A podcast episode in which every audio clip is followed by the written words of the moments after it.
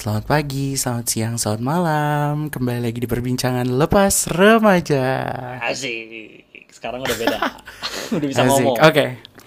BTW guys, gue kayaknya balik lagi nih minta izin sebelumnya seperti waktu itu karena gue juga baru selesai vaksin lagi hari ini. Hah?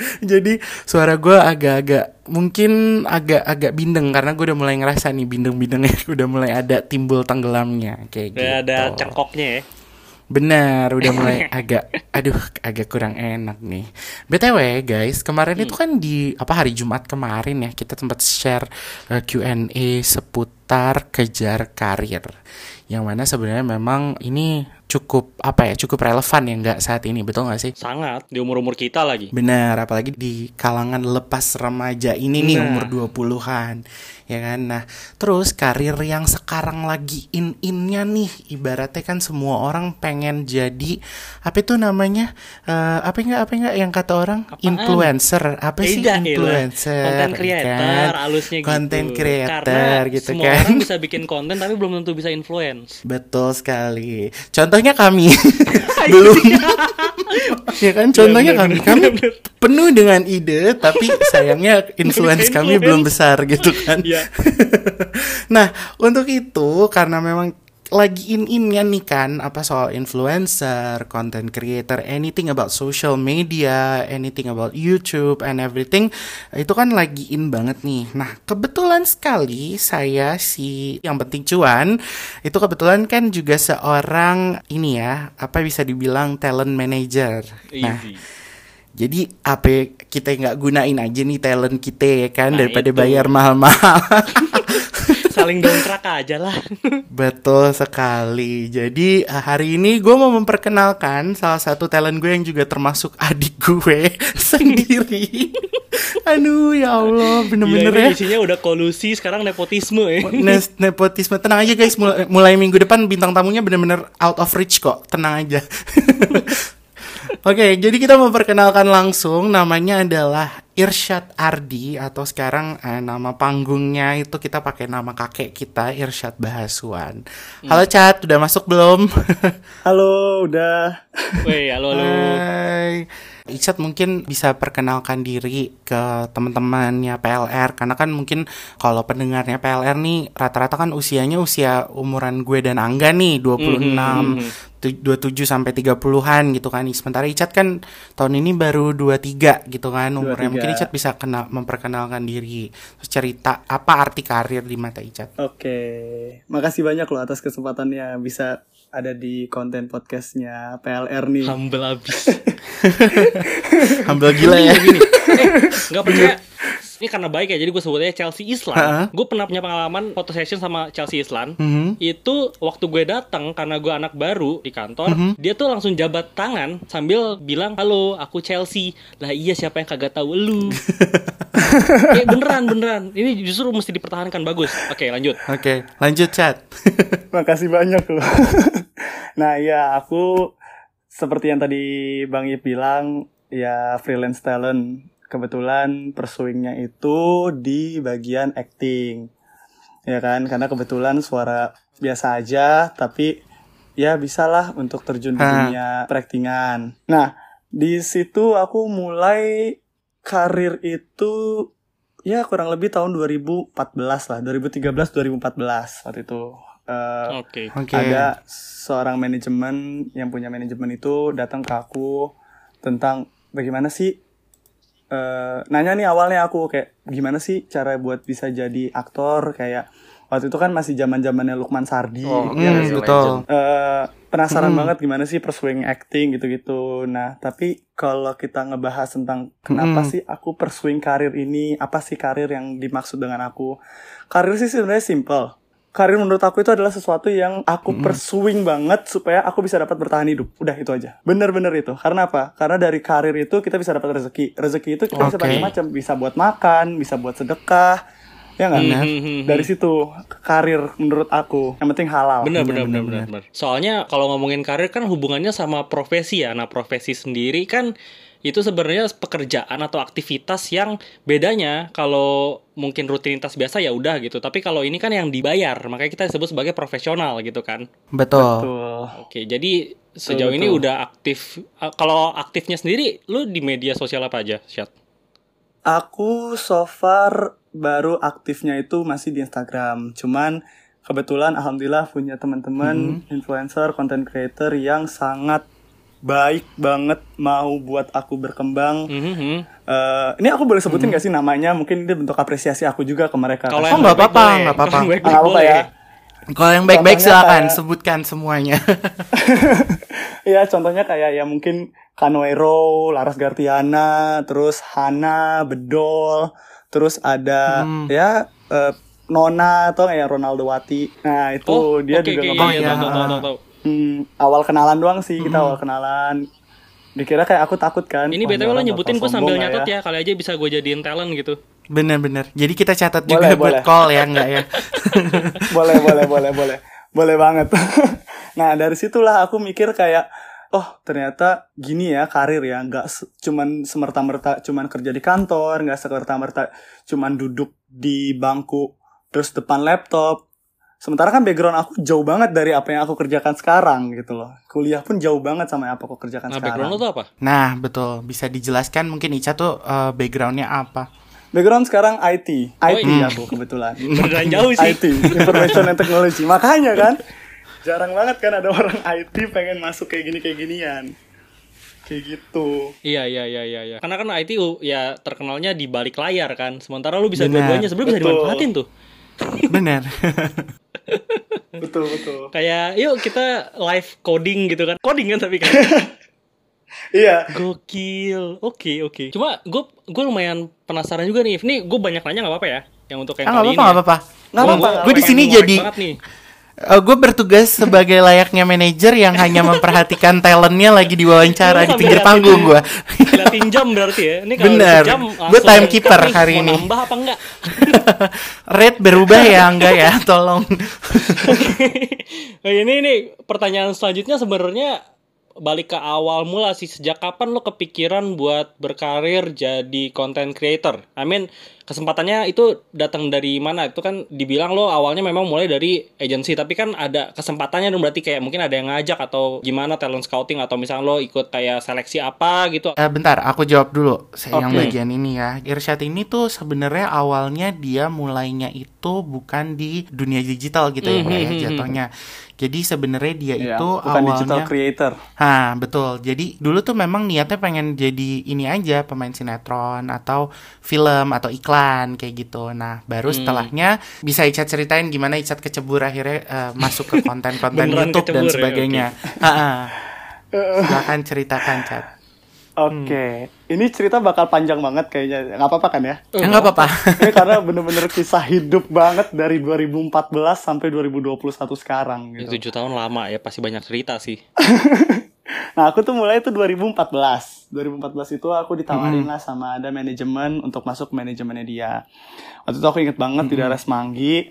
Acaranya itu mulai dari apa ya? Yang habis lebaran tuh sebutannya halal bihalal ya. Hal lebih halal. Hal bihalal. Silaturahmi Hmm. lah. Ya, nah itu silaturahmi sama manajemen-manajemen eh, sama talent-talent di satu manajemen itu. Ngobrol-ngobrol-ngobrol udah akhirnya kecemplung dah nih di sebuah manajemen 2014. Nah, dari situ aku mulai nih mikir kayak oh, apa emang ini jalan ya buat aku bisa terjun ke dunia entertain. Karena menurut aku dunia entertain itu sebenarnya semua semua bisa kok. Semua orang bisa jadi entertainer sebenarnya. Karena asalkan punya sense of humor atau mungkin bisa eh, punya bakat yang bisa menghibur orang intinya kan itu kan. Nah di situ aku coba lah. sih, akhirnya ya. terjun. Iya betul. Nah aku akhirnya terjun ke situ ngomong sama bunda. Bunda aku boleh nggak kalau misalnya pengen banget jadi talent salah satunya? Oke kita akhirnya lambat laun ikut nih dengan talentnya dia. Nah terus cuman kendalanya adalah waktu itu 2014 aku masih SMA Hmm. masih SMA jadi pesan ibu itu kamu minimal lulus dulu deh SMA-nya kata ibu. Udah akhirnya aku sambil pursuing entertain casting sana sini sambil sekolah juga. Cuman sekolah yang paling prioritas. Mulai awal aku dapet job itu berkat abangku bang Iip waktu itu. Aku inget banget. Oh. kalau nggak salah ada festival modeling di UI, Hmm. Festifrong. Enggak, UI Fashion Week dulu dong. Oh iya, UI Fashion UI Week. Fashion Week dulu. Nah di situ aku mulailah jadi jadi model. Kayak oh gini ya jadi model jalan. Aku inget banget. Ingat ya sih bang, Eh gue dibilang jalannya kayak kepiting, jinjit. Wah parah banget. Itu gue inget Kenapa, banget, gue ceritain sedikit ya. Ya, UI Fashion Week itu kan sebenarnya kan gede banget ya nggak? Maksud gue, Hmm, hmm, gue hmm. gue tuh sebelum gue masuk UI gue nggak tahu kalau UI Fashion Week sebesar itu. Nah terus eh, Icat itu sempat audisi UI Fashion Week dan akhirnya nggak lolos Iya. kan, cuma sampai ke tahap berapa gitu gue lupa. Nah terus habis itu kebetulan jurusan gue kan sastra Prancis nih, dan kita kan memang punya acara setiap tahunnya namanya Festifrance, Festival de France kan.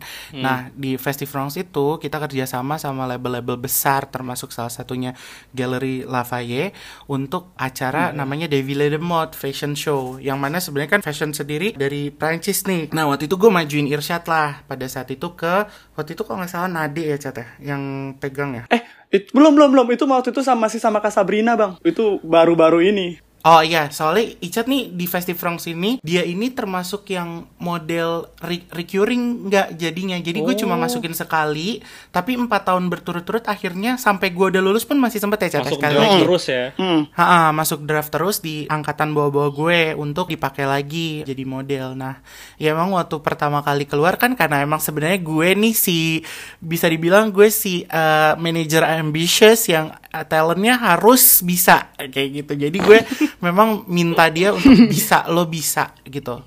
Dan dia kalau foto oke, tapi pas disuruh jalan ya Allah tolong sampai dibilang lo jalan kayak kepiting. Bener Ya emang dibilang gitu waktu itu. Itu ada Terus- ada terus- videonya gak sih dokumentasinya gitu? Aduh, kayaknya Wah, ada deh. Gue masih punya nanti gue cek ya. ada sih, harusnya ada. Bener. Dan itu lucu banget, lucu banget. Aku waktu audisi kayak eh ini namanya siapa? Irsyad. Dan itu masih SMA kan. Itu nih yang yang UI Fashion Week dulu ya. Eh, segala macam foto segala macam oh udah ternyata nggak lolos. Udah akhirnya masuk di Festifrance nah di Festifrance nih disuruh jalan lagi kan? Coba jalan. Eh, kakak kelas kakak kelas kating kating tuh. Aku masih SMA aku inget banget. Irsyad kamu kenapa sih jalannya kayak kepiting? Loh aku bilang jalan kayak kepiting tuh kayak gimana? Miring aku bilang enggak jinjit banget. Kamu apa sih keseringan pakai heels sampai digituin? Buset. Aku inget banget tuh. Iya. kamu jalan sering pakai heels ya? Ya Allah aku bilang enggak kak emang aku biasa jalan. Coba jalan jalan sampai akhirnya inget banget bang Ip juga sampai aku jalan tuh pundakku ditahan. Inget gak sih bang? Pundak gua sampai Iya. lo tahan biar gua kagak Iya. jinjit. Ah itu bener-bener Bener, pundak gua ditahan bener, jadi bener, jalan tetap tegak. Aduh itu bener-bener malu Hmm. cuman karena itulah bisa oh gini cara jalan model nggak yang kayak lebay banget kayak uh I'm fancy nggak gitu. Proper jalan ngerti lah Hmm. gitu makanya aku incernya udah tuh akhirnya masuk di Festifrance inget banget waktu itu gue dapet dua look sih bang ya kalau nggak salah ya. 2000 berapa tuh sama Kak Ah, dua looks. waktu itu aku ingat. Hmm.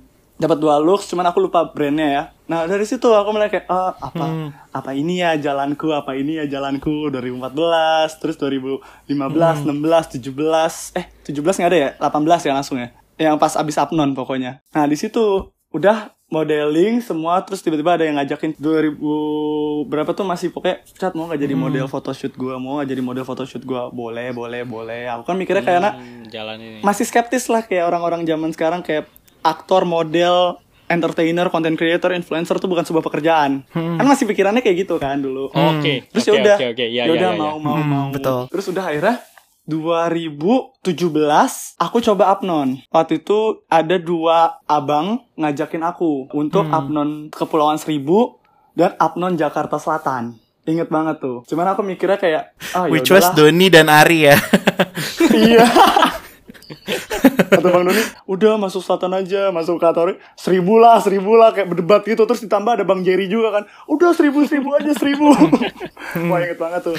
Nah di situ udah akhirnya aku coba. Akhirnya 2017 umur tuh waktu itu masih berapa ya? 18 lah 18 jalan 19 itu sampai skip satu mata kuliah waktu itu. Terus ya udah audisi nih audisi tahap pertama. Oh ternyata gini ya. Audisi audisi audisi ternyata aku nggak lolos. Nggak lolos bahkan sampai ke tahap hari keesokannya. Udah tuh udah hopeless banget kayak ah apa ya apa susah banget kok jadi susah banget nih untuk terjun di dunia entertain segala macem. Eh, ingat gak sih ada cover boy? Ah. Itu aku nggak bisa masuk cover boy juga karena 2017 itu terakhir cover boy ternyata. 17 atau 2016 terakhir cover boy. Jadi nggak sempet ikut cover boy juga. Aduh aku ya, aduh gimana, apa nyerah aja atau aduh nggak ngerti deh. Padahal udah sempat optimis tuh ya. Udah, udah positif. Oh, udah positif banget deh. Bangit tau banget aku anaknya seambisius seambisius gimana. Terus Hmm. 2018 aku coba lagi nih. Eh, Coba lagi 2018 audisi lagi Apnon. Cuman waktu itu izin juga sama manajer. Boleh nggak aku ikut Abang None kasarannya? Oh, boleh cat, tes aja. Nah, cuman aku punya strategi nih di sini nih. Di Abang None yang 2018 ini. At strategi aku cuma ngomong gini sama mereka. Kalau kamu gagal, kamu mau ngapain? Aku ulang lagi, umurku masih 19, aku masih punya lima tahun untuk tes lagi, Abang None. Aku gituin. Yes, Hmm. benar. Mungkin benar, aku benar. keterimanya gara-gara kayak ah daripada nih anak audisi mulu, ya gak sih? Udah deh masuk aja. Aku mikirnya Bener. itu strateginya. Wah, ini kayak- kayaknya agak ngotot. Aku bakal coba lagi. Besok kalau gagal, coba lagi. Susah banget ya. Sampai aku gituin. Bener sih. Wah, ini, ini, ini, ini anak ngotot banget ya kan, kesel banget nih. Gak ada nyerahnya. Udah akhirnya daripada mereka ketakutan mungkin kayak ya udahlah nih masuk aja gitu kan. Udah akhirnya lolos di tahap pertama, ya kan. Aduh, alhamdulillah banget nggak pernah. Aku sampai ngechat di grup waktu itu. Alhamdulillah Cat lolos audisi tahap pertama. Masuklah hari kedua. Begitu juga ditanya sama juri besar. Kamu udah pernah tes Apnon? Iya udah 2017. Gagal, gagal. Kalau tahun ini gagal, coba lagi 2019. Aku gituin. Kalau 2019 gagal dua aku ingat banget yang nanya itu waktu itu Pak Firmansyah atau- ya, Irmansyah. Waktu itu masih bupati Kepulauan Seribu. Coba lagi, Pak. Coba, pokoknya coba lagi sampai saya masih punya lima tahun lagi kok untuk mencoba Apnon ini. Oh, udah akhirnya? Hmm. namaku tuh dua terakhir disebut. Wah di situ baru lolos Apnon nah di situ aku belajar deh tuh bagaimana cara public speaking dan lain halnya. Wah itu benar-benar ngebantu banget sih benar-benar ngebantu banget buat bagaimana cara menjawab bagaimana cara berbicara dengan orang how to be polite terus bagaimana senyum yang ikhlas. Wah itu benar-benar ngebantu banget.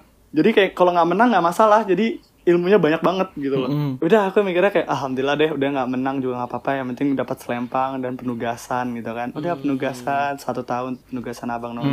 Hmm. masuk ke 2019 di sinilah downfallnya aku. Di sini kayak udah nyerah sama dunia entertain terus sempet nyoba Mm-mm. di adalah sebuah PH yang bekerja sama sama TV besar juga. Gedungnya kelihatan banget di daerah Senayan. Waktu itu aku tes casting waktu itu untuk FTV deh kalau nggak salah aku masuk nih. Nah di sini downfall aku nih bener-bener Mm. downfall banget. Dia ngomong casternya kamu pakai makeup ya? Iya. Kenapa pakai makeup? Iya saya ada jerawatan. Aku bilang Hmm. gitu kan. Oh hapus makeupnya. Aku hapus Hmm. nih makeupnya. Terus acting lah kita perkenalan diri video profile dan lain halnya terus acting. Harusnya ini etika caster ya nggak boleh ngomong Hmm. kayak dia ngomong gini acting kamu bagus cuman muka kamu kurang banget wah di situ kan rasanya sakit banget gak sih dibilang mukanya kurang lah Hmm. inilah itu aduh sakit banget waktu itu udah di situ nggak continue buat entertain sampai aku inget banget Agustus 2020 jadi sempet bang aku naik Mm. dari 59 sampai 82 dalam waktu setahun Hah? berat badan Oh iya dia pernah gendut Iya. banget tiba-tiba. Oh iya. Bener-bener bener. Hah. pernah. Muka nggak keurus rambut nggak keurus badan Efeknya nggak keurus. segitunya ya. iya bener-bener semua nggak keurus. Sampai aku ingat banget Juli 2020 tuh aku segendut itu. Pernah hampir hampir hampir tembus 85 Mm. cuman terus itu turun lagi. 83 Hmm. lagi. Udah situ bener-bener nyerah.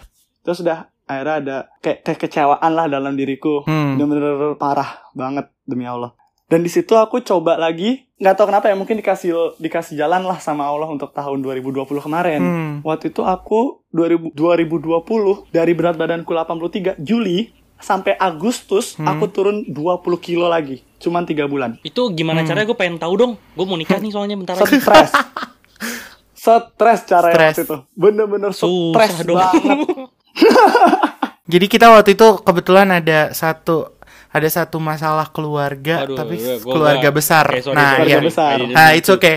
It- it's okay. Jadi kayak emang pada saat itu tuh besar banget dan kita tuh semua emang even gue pun pada saat itu ditambah lagi di bulan itu gue di PHK kan waktu itu jadi kayak Hmm, hmm, wah hmm, chaos banget lah Icat juga chaos gue chaos terus udah gitu si Irsyad itu bahkan nih sampai keluarga tuh banyak banget yang nelfon gue nanya karena dia turunnya jauh banget nggak nggak nggak sebulan sih emang ada nggak nggak bener-bener Hmm. Tiga sebulan bulan lah, kok kayak kurang dua lebih. bulan apa tiga bulan Tapi sangat tapi turun sih 20 kilo. Ah, ah, turunnya langsung jauh.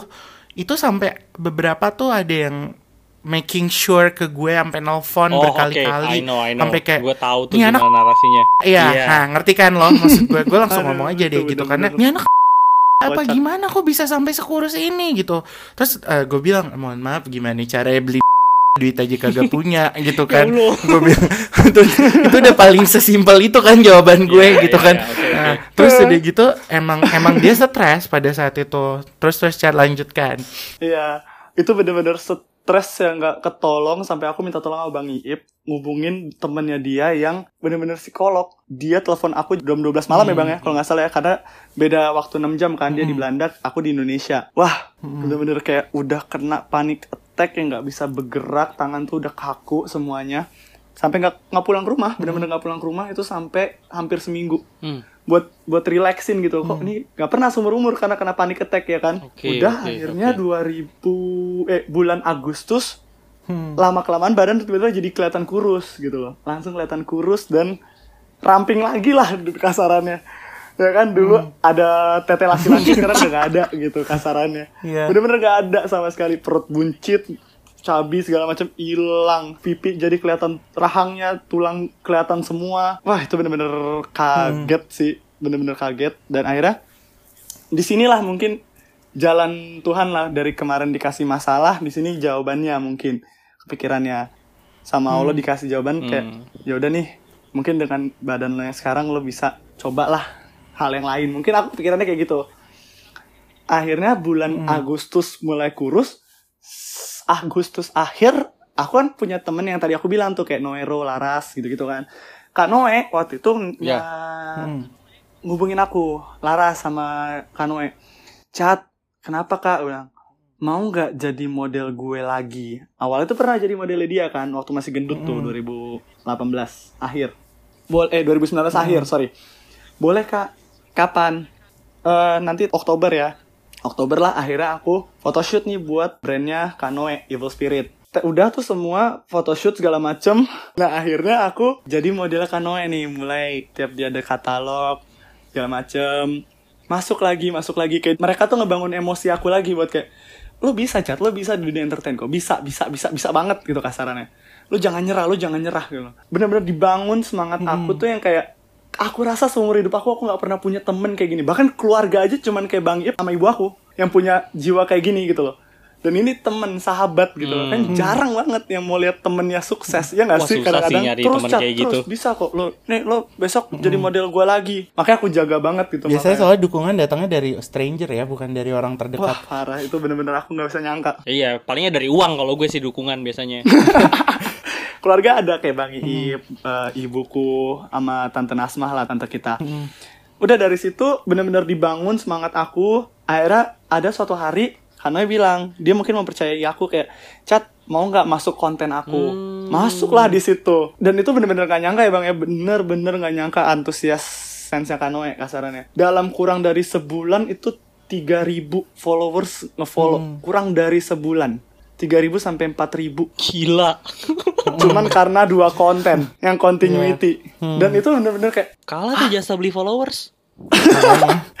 di situ makanya kayak wah ini kak kak ini kok bunyi mulu kan Instagram kayak notif notif notif notif. Sampai waktu itu nge-scroll isinya notif semua nggak ada WhatsApp. Oh iya iya iya. iya. isinya notif Instagram doang. Follow follow follow follow follow. Ini sampai gimana gue nanggepinnya ya Allah aku megang bilang kak ini gue namanya manjat loh sama lo. Gue gue takut deh beneran takut. Nggak enak banget gue kalau dimikirnya manjat.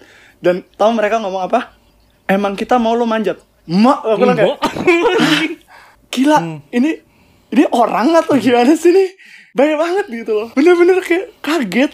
Ada orang dimanjatin malah mau malah nganjurin. Bener-bener wah kaget nggak pernah punya temen kayak gini yang mau lihat Itu temennya teman sukses. beneran. makanya kagum banget aku. Nah di situ udah tuh mulailah aku diajak ke kontennya dia lebih sering ngebangun lagi kayak jiwa semangat aku dibangun lagi. Jadi model ini ini. Sampai waktu itu ada kayak chat ini gue kemarin udah hubungin ada uh, agency coba lo hubungin deh.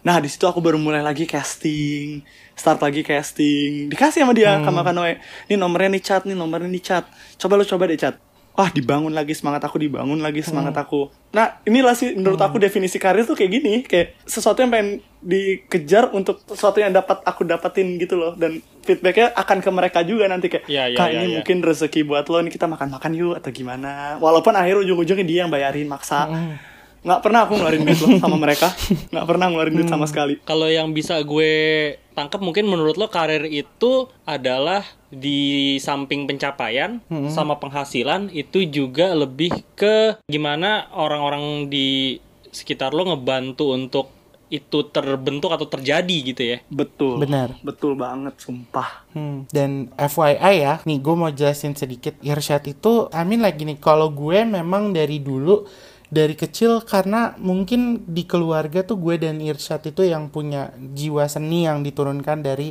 kakek kita. Kakek kita kan emang seniman. Nah, dan keluarga kita tuh jalurnya seniman kan, kebanyakan bahasuan. Nah, terus udah gitu, kalau gue tuh memang sukanya ngomong, maksa- makanya gue pengen jadi presenter dan sebagainya. Kalau Irsyad itu memang dari dulu karena dia terlahir dengan fisik yang eh, bisa dibilang di antara kami semua yang paling cakep gitu kan. Jadi ya dia udah ada mo- udah ada modal itu. Nggak, maksudnya dia udah dia udah ada modal itu dan gue dari kecil juga ngerasa oh nih anak bisa gitu loh. Maksud gue nih anak bisa kok, nih anak bisa jauh gitu. Bahkan gue selalu yang meyakinkan keluarga gue, eh, nyokapnya dia kayak jangan jangan ditahan, biarin aja, biarin dulu. Selama memang dia tidak melakukan tindakan yang dapat merugikan siapa pun, ya udah biarin aja kayak gitu. Nah, di sebenarnya gue itu megang icat sendiri ya enggak itu baru baru empat bulan terakhir ya cat ya? Maksudnya megang yang bener-bener Hmm. Ah, manajemen yang udah nggak ada campur tangan orang lain. Jadi gue Hmm. memang semua urusan keuangan ke urusan administrasinya Irsyad tuh masuk melalui gue tuh baru enam bulan terakhir ini. Karena ya tadi yang tadi cat bilang di awal selama tujuh tahun dia ada di satu manajemen dan selama tujuh tahun itu dia bener-bener gak berkembang bahkan satu project pun tidak ada. Kayak gitu Oke, nggak oke. lo bayangin ya itu itu deh selama itu dan gue makanya gue selalu bersyukur Icat ketemu dengan Noe dan gue akan forever grateful dengan Noe dan Laras gitu ya. Eh, maksudnya dengan teman-teman Icat yang ini gitu karena menurut gue makasih banget loh di saat kan posisinya kalau gue di Jakarta nih gue bisa nemenin dia ke mana-mana kan. Maksudnya pergi casting pergi uh, Hmm, ya, ya, uh, ya, apa paham gue. uh, modeling ke sana ke sini gue cariin channelnya. Kayak dulu dulu kan gue selalu Iya. melakukan hal itu. Cuma kan karena posisinya sekarang gue di KL dan gue juga punya pekerjaan gitu. Maksudnya gue saat ini punya prioritas yang harus gue urus dulu gitu sebelum gue ngurus dia lagi jadi gue kayak bener-bener alhamdulillah banget kayak gue berterima kasih banget ya sama Noe dan teman-teman Icat yang emang ngebangun Icat. Dan gue sekali lagi menggaris bawahi ya ini bukan bantuan manajemen sebelumnya. Jadi Icat itu menjadi alhamdulillah ada di titik sekarang itu karena temen-temennya. Ya, ya, jujur ya, aja supportive. kayak gitu. Dan yang bisa kalau banget kita kayak gitu. buletin Noe dan Laras udah itu bener-bener yang bener-bener ngebangun Iya, banget Noe dan Laras, dari betul. awal Oke. Berarti selanjutnya Betul, boleh gila. Noe dan Laras ya. Noe dan Laras, ayo Angga ini orang Oppo, mungkin manajernya mau ngelempar ke Oppo, silakan. Aduh. Oke. lagi dia bener baik Kalau banget tadi yang udah dibahas, sebenarnya ada pertanyaan lagi nih seputar apa yang bikin lo bertahan, tapi lo udah jawab.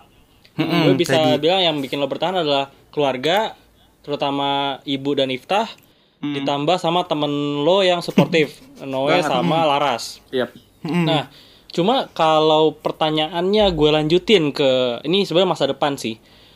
Apa yang mungkin bikin lo berhenti? Seandainya lo harus berhenti. kayak ini untuk masa depan ya berarti ya Iya kan Iya. pasti di depan sekarang masih lanjut dong. Ah, Aku sih mikirnya gini bang, kayaknya untuk menjadi seorang entertainer itu tidak pernah melihat umur. Aku sadar itu. Hmm betul.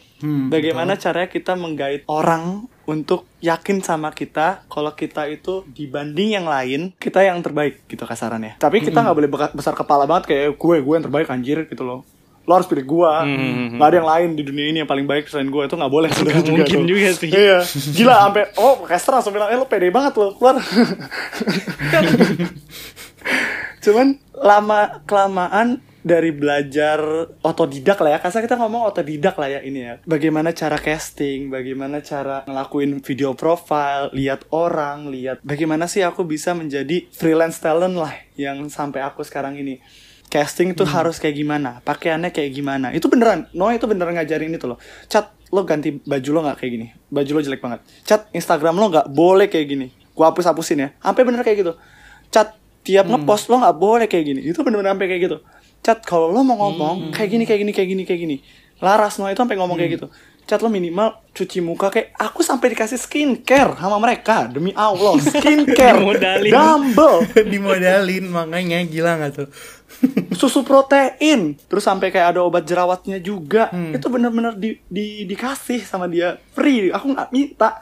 Terus baju aku selalu disupport sama brandnya Kanoe. Makanya selalu aku pakein tuh kayak bentuk apresiasi aku lah. Iya, sampai mereka ngatain kayak lu nggak usah selalu pakai baju kita banget gitu cat lo udah kayak katalog berjalan. Sampai digituin.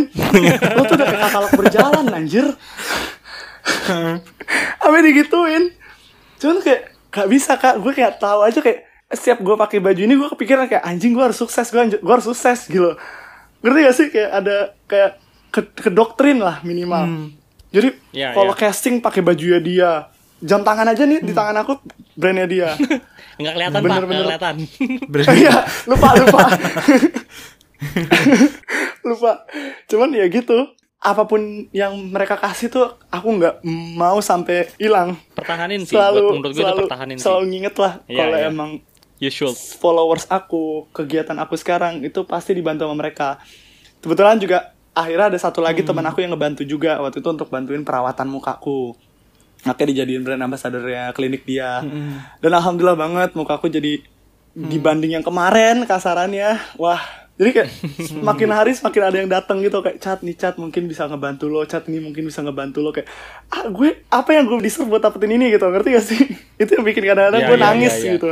Berarti memang yang nggak ada lagi selain umur yang bisa ngentiin lo ya. yes. Bener. Jadi kayak selama aku bisa kreatif dan tetap mau, ya udah, nggak ada berhentinya sebenarnya dunia entertain itu.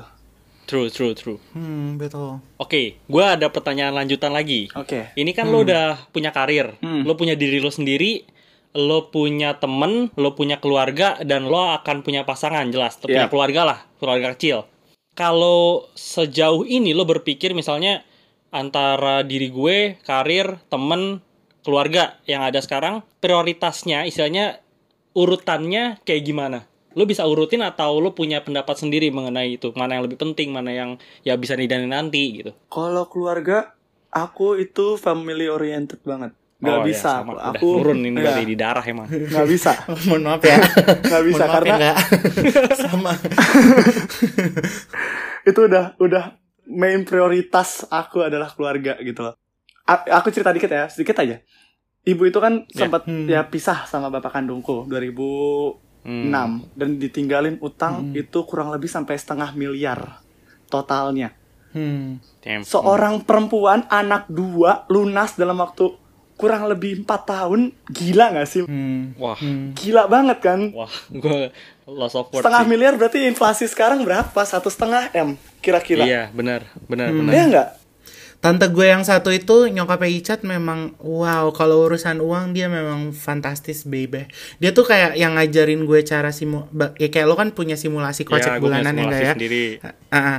dia tuh yang ngajarin gue budgeting dari mulai gue kerja dari mulai gue punya duit dia tuh udah ngajarin Ifta lo harus begini uang lo harus begini begini begini begini emang emang hebat sih karena karena dia seperti itu karena keadaan juga gitu kan Hmm. pada saat itu kan dia dia sendiri harus survive Icat waktu itu masih, Masih kecil, kecil banget, banget. baru 8 tahun. umur berapa ya 8 tahun gitu kan ditinggal dan adiknya Icat juga masih enam tahun waktu itu terus dia sendirian harus nutup hutang-hutang yang ditinggalkan Iya. begitu aja tapi alhamdulillah malah jadi jauh lebih sukses gitu loh sekarang keadaannya Makanya prioritas utama pasti family sih. Family, karir, baru pasangan. Hmm, oke. Temen di mana nih temen? Eh, Masuk ke keluarga ya kali temen ya.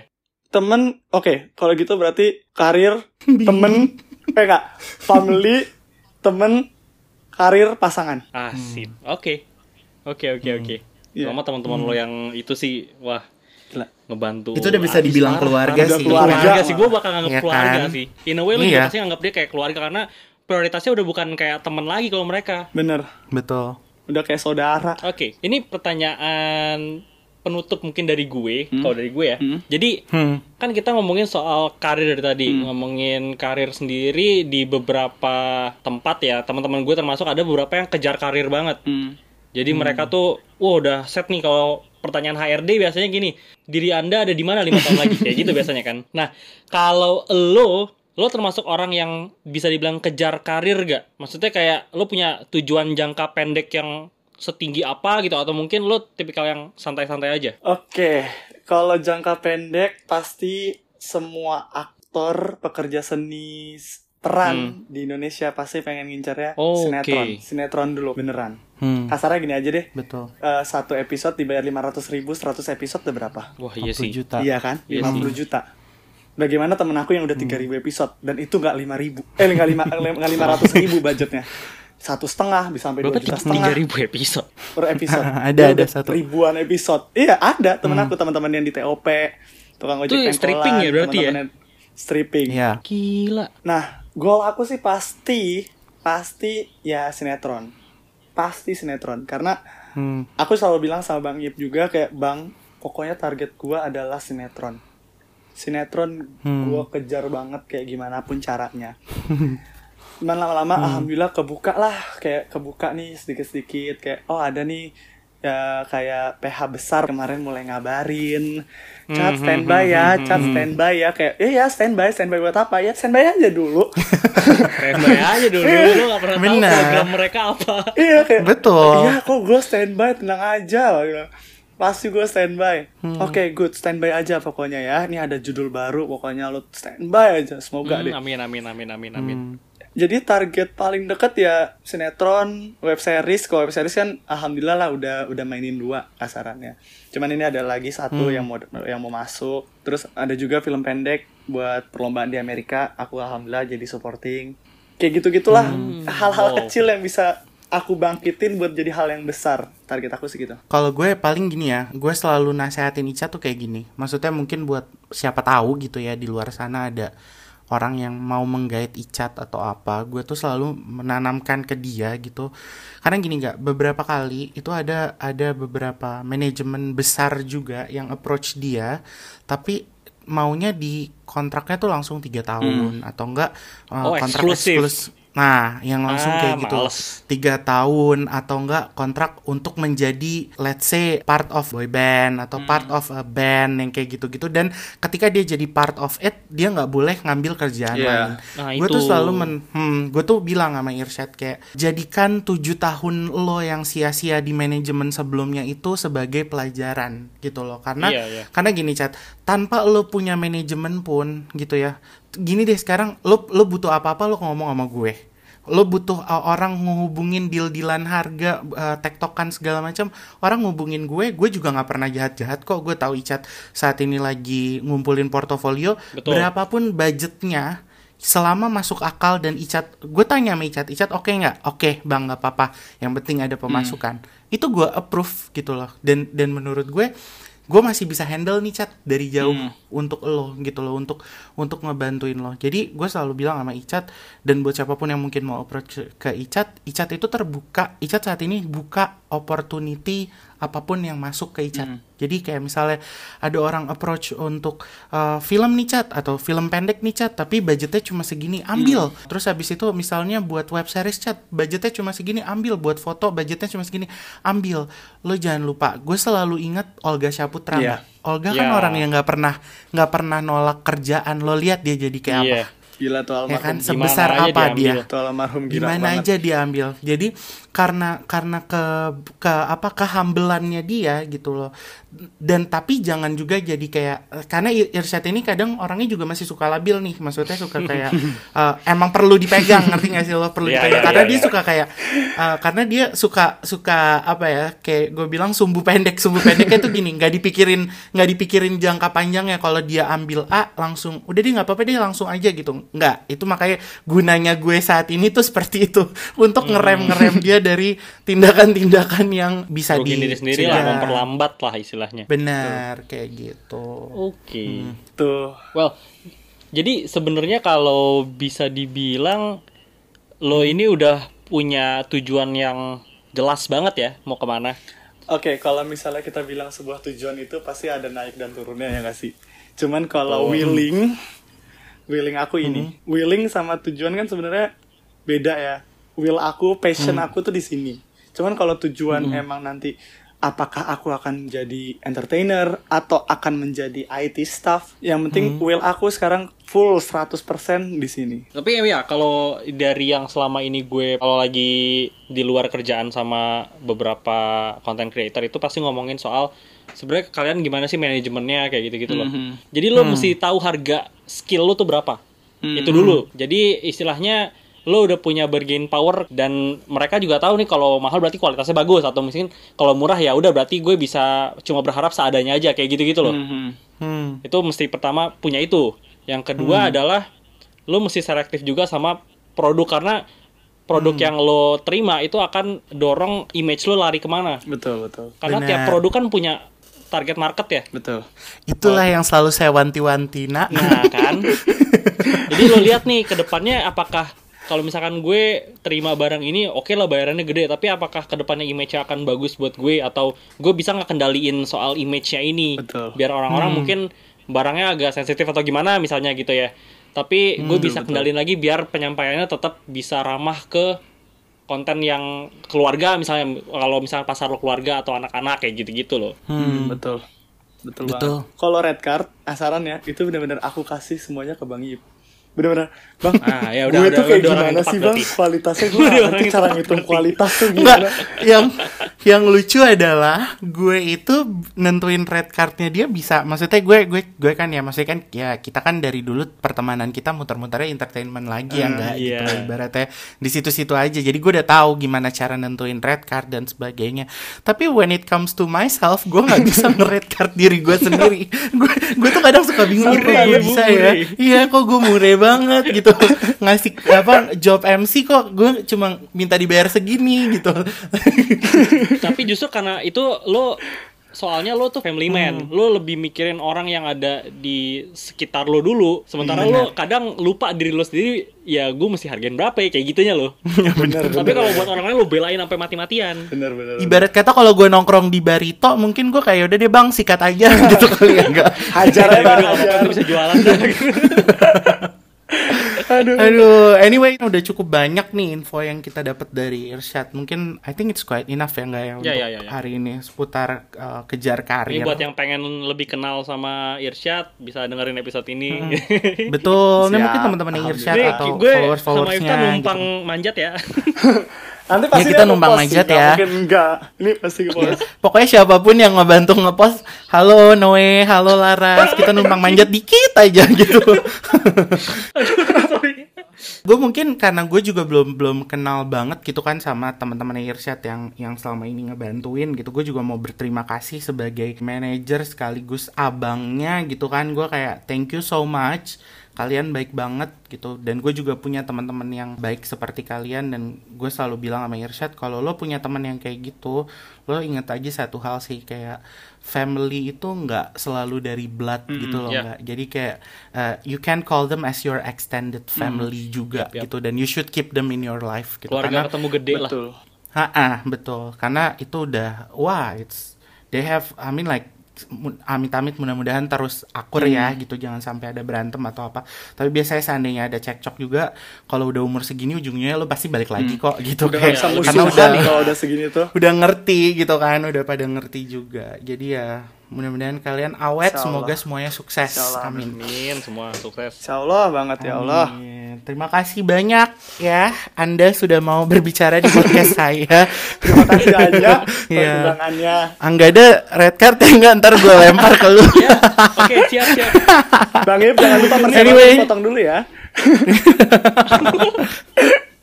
Anyway, thank you so much guys telah mendengarkan perbincangan lepas remaja episode kali ini. Semoga ada informasi yang menarik yang bisa kalian tangkap dan yang paling penting menurut gue mungkin karena the whole story is about perjuangan ya di sini. Jadi mudah-mudahan kalian juga yang lagi berjuang dalam karir apa pun bisa tercerahkan atau enggak setidaknya ada oh ternyata gue nggak sendirian loh yang kayak gini. Betul. Gitu. Untuk itu gue Iftah. Gua Angga dan Gue Irsyad. Terima kasih telah mendengarkan perbincangan lepas remaja. Selamat pagi, selamat siang, selamat malam. Bye-bye. Bye-bye. Bye. Mas Cot, masih punya waktu lengang? Masih dalam perjalanan? Masih butuh hiburan sembari mengerjakan banyak hal? Pas banget nih. Jangan lupa cek episode PLR sebelumnya ya.